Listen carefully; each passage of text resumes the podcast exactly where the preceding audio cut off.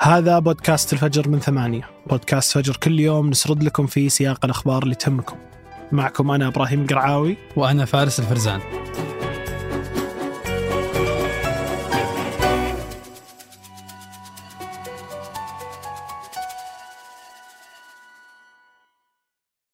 قهوة الصباح وأجود محاصيل البن المختص تلاقيها في خطوة جمل. اعرف أقرب فرع لك من الرابط في وصف الحلقة.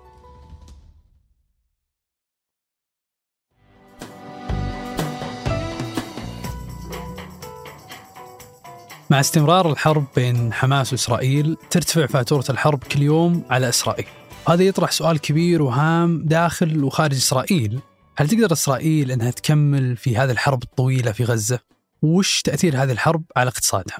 يوم أمس البورصة الإسرائيلية على تراجع الشيكل سجل أدنى مستوياته ب 16 عاما رأينا أيضا الأرقام الأولية للحرب تقول لنا بأنها مهلكة للاقتصاد الإسرائيلي ولو استمرت فترة أطول بتكون إسرائيل في أزمة اقتصادية مي متعافية منها إلا بعد سنوات طويلة.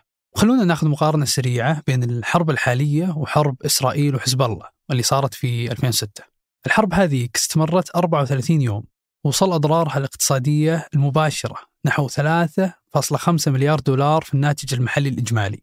الإضرار كان نتيجة لعدة عوامل مثل تضرر القطاع السياحي والتجارة وتوقف الأعمال وارتفاع نسبة الهجرة والاستدعاءات العسكرية. وبحسب دراسة البنك هوب عليم فإن أول خمس أيام من الحرب الحالية مع حماس كانت تكلفتها هي ضعف الخسائر المالية اللي عانت منها إسرائيل خلال حربها ضد حزب الله واللي استمرت ال 34 يوم.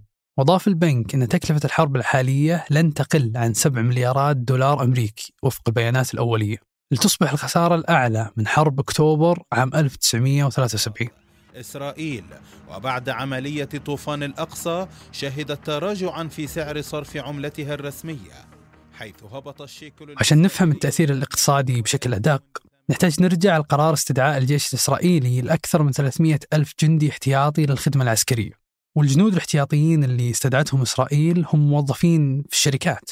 يعني هذول الموظفين توقفوا عن العمل مؤقتا في قطاعات اقتصادية مهمة عشان يشاركون بالقتال. وحجم الضرر الاقتصادي لهذا القرار يعتمد على مدة بقاء الجنود الاحتياط بعيد عن وظائفهم. وجنود الاحتياط هذول جايين من قطاعات مثل التقنية والشركات الناشئة والمزارعين والمحامين والأطباء والممرضات وعمال السياحة والمصانع وكلها قطاعات بيلحقها الضرر لأن القوى العاملة سحبت من السوق للحرب. وبحسب مركز القدس للدراسات السياسية فيمثل جنود الاحتياط نحو 65% من إجمالي أفراد الجيش الإسرائيلي. وبحسب موقع Global Firepower الأمريكي فإن عدد القوات الإسرائيلية العاملة وصل ل 173 ألف عسكري في حين يبلغ عدد قوات الاحتياط 465 ألف عسكري. هذا يعني أن إسرائيل استدعت نحو ثلاثة أرباع قوات الاحتياط في جيشها عشان يواجهون قطاع غزة اللي ما يتجاوز عدد سكانه 2.2 مليون نسمة. والهجوم البري اللي أعلنته إسرائيل بيخلق اشتباكات داخل مدن وأحياء غزة. هذا يعني رفع التكلفة البشرية للحرب. وإطالة زمنها. ومع استمرار الحرب واستدعاء جنود الاحتياط بيؤدي ذلك إلى شبه شلل في النشاط والإنتاج. وبالتالي بيتسبب في انخفاض المعروض من السلع القادمة من الموانئ وإلحاق الضرر بالصناعة المحلية. وكان صندوق النقد الدولي يتوقع أن ينخفض الدين العام إلى الناتج المحلي الإجمالي بشكل أكبر وبيبقى أقل من 60% إلا أن تبعات هذه الحرب بيكون لها تأثير مباشر على زيادة الدين العام. وبحسب البيانات المتاحة فإن ديون الحكومة الإسرائيلية وصلت ل 294.7 مليار دولار في ديسمبر 2022 مقارنة ب 335.7 مليار في العام 2021 حيث كانت عند أعلى مستوى لها على الإطلاق. كذلك العملة الإسرائيلية تضررت حيث تراجع سعر الشيكل مقابل الدولار. تدخل بنك إسرائيل المركزي لدعمه بنحو 30 مليار دولار.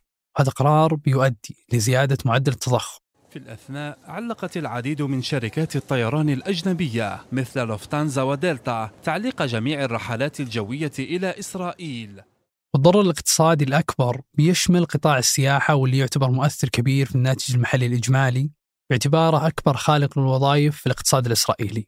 في العام 2022 بلغت عائدات السياحة أكثر من 3.4 مليار دولار بعد زيارة أكثر من 2 مليون سائح. لكن قصف حماس المطار بن غوريون في تل أبيب أدى إلى توقف العمليات فيه وعلقت معظم شركات الطيران الأمريكية والكندية إلى جانب شركات أوروبية خدماتها. وتعليق شركات الطيران رحلاتها خلق أزمة أخرى حيث بقي كثير من المسافرين حائرين حول كيفية مغادرة البلاد ولا الوصول لها. وبحسب التقديرات فإن الخسارة اللي لحقت بقطاع السياحة بسبب عملية الجرف الصامد عام 2014 بلغت نحو 2 مليار شيكل. فيما يتوقع أن تكون خسائر القطاع أكبر بكثير في الحرب الحالية. وفي القطاع الصناعي تساهم منطقة عسقلان مع منطقة بئر السبع بأكثر من 25% من الإنتاج الصناعي الإسرائيلي. هذه المنطقتين هم الأكثر تعرضا لصواريخ حماس.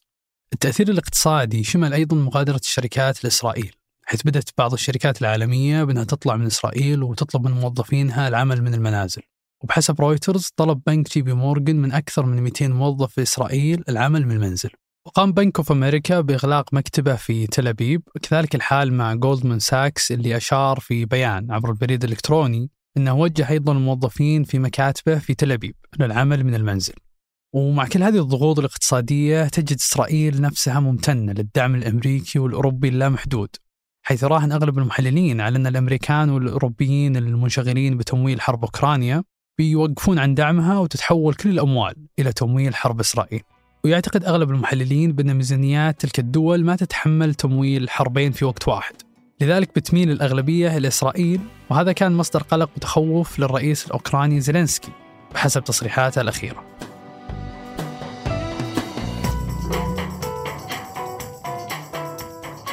وقبل ننهي الحلقة هذه أخبار على السريع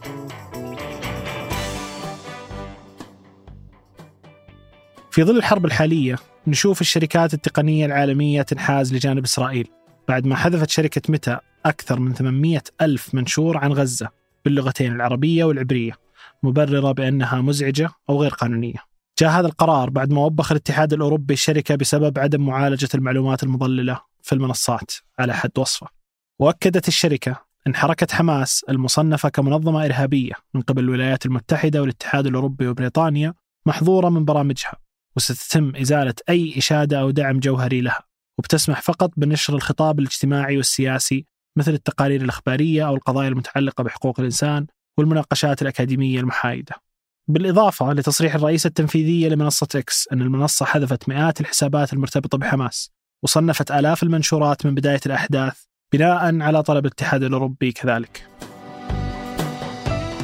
وأيضا بسبب الأحداث الحالية في توقعات بارتفاع أسعار النفط إلى 100 دولار للبرميل الواحد.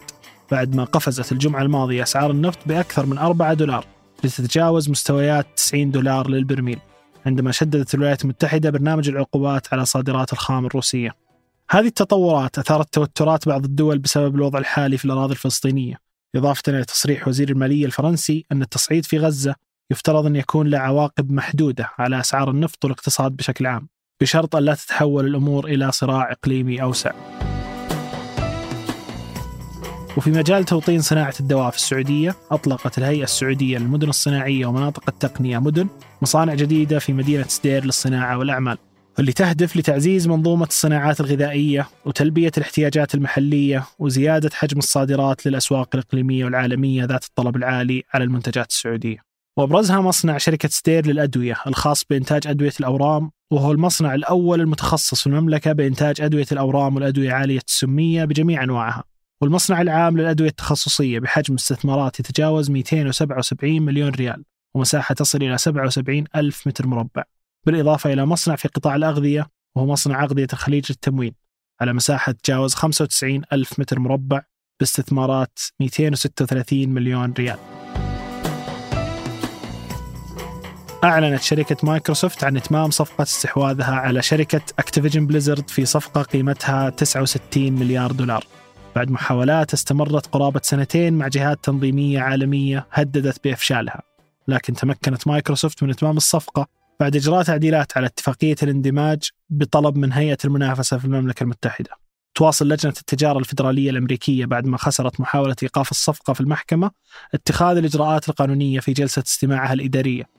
ومن الممكن أن تلغى الصفقة بالكامل إذا نجحت اللجنة في مساعيها.